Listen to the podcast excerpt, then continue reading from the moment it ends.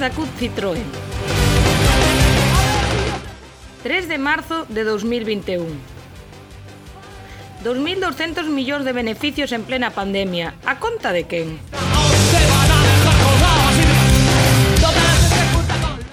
Oxe, mentras o grupo anunciaba uns beneficios estratosféricos, tendo en conta a situación vivida este derradeiro ano, os medios, en masa e unha gran parte da sociedade aplaude cas orellas volva ser a clase traballadora que perde en PSA e na comarca.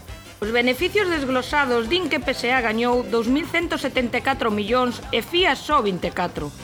Moitos enchen a boca afirmando que estes beneficios foron posibles en gran parte grazas ás medidas de, comp de competitividade. Pero que son esas medidas? Poden chamarse tamén explotación laboral, abuso, falla de ética. Vexamos os datos e cada quen que decida. ¡Oye!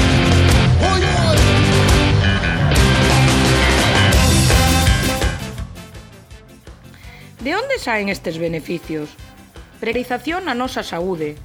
As altísimas cargas e ritmos de traballo permiten unha productividade sen precedentes, os seus beneficios a costa da nosa saúde. Coa continua desaparición de postos, cada reparto trae sempre máis carga de traballo e un goteo incesante. Nada se sabe dos postos creados mediante o acordo do AGA, nin do resto de medidas. Parece ser que eran un gasto prescindible e aínda que fosen complementamente insuficientes, foi a excusa coa que se fechou en fase conflito. Ningunha das organizacións asinantes vai a reclamalas. Hai 13 anos a produción diaria era de 2.100 vehículos con 9.700 persoas traballando. Agora fanse 2.300 vehículos con 6.900 persoas Si ben é certo que a porcentaxe de automatización aumentou nestes anos, ni por asomo pode xustificar esta diferenza. Que llevo ya para, nadie para. Que llevo ya para. Precarización das condicións económicas e laborais. Co derradeiro dato da plantilla, o que temos acceso, existe un 40% de eventualidade, Unha persoa de nova incorporación a día de hoxe gaña un 11,9% menos que no 2014. Antes do atraco salarial é un 32% menos que a media salarial na fábrica, nivel 4, facendo o mesmo traballo.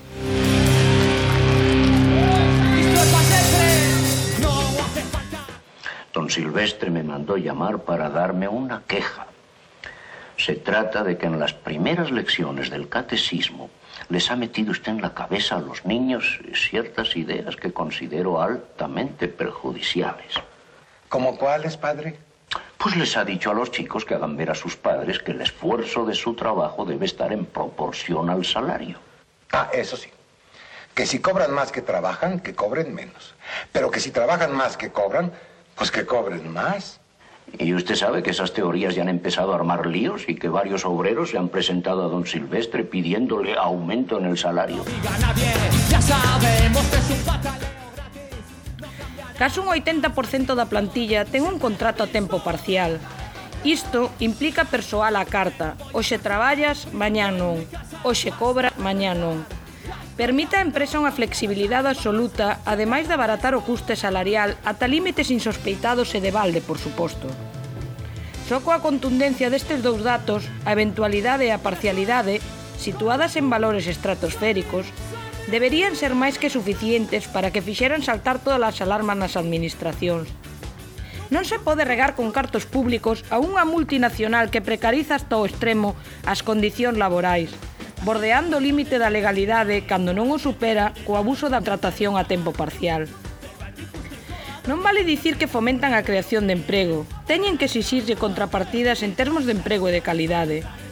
Externalizacións, Como xa demostramos anteriormente, a empresa forra montes e moreas de cartos vendendo os postos de traballo ao menor postor. O que importa é o beneficio. A responsabilidade social que practica a PSA limítase a exixir cartos e infraestructura nas administracións. Precarización das condicións de traballo na comarca.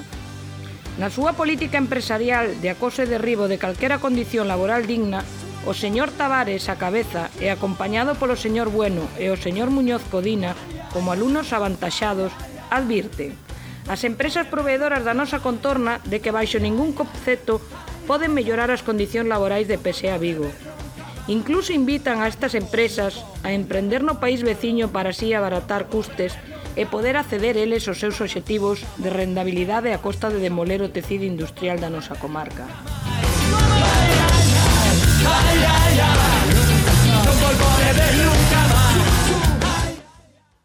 Ah, pois pues qué bueno. Bueno, ¿por qué? Recuerde usted que se ha de procurar que las riquezas no se acumulen en manos de los ricos y que se repartan entre los Pero trabajadores. eso es comunismo.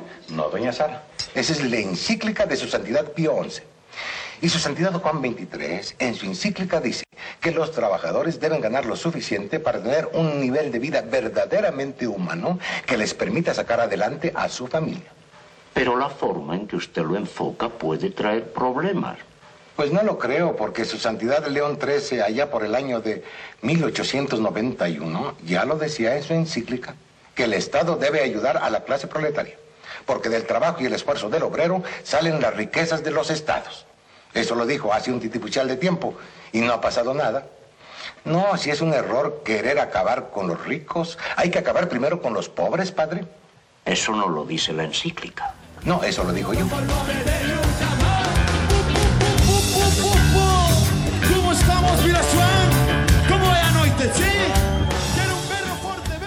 Hoxe, os sindicatos franceses deron a coñecer a paga de beneficios do grupo en Francia. Alí corresponden 3.000 euros brutos. Só esperamos que aquí se cumpran os grandes logros acadados no Comité Europeo e, polo tanto, nos cobremos o mesmo. No, no, no, no, si non vale, si non... Abaixo, abaixo, abaixo todos. Abaixo, xente. Leña para abaixo, por favor. CUT, sindicalismo necesario.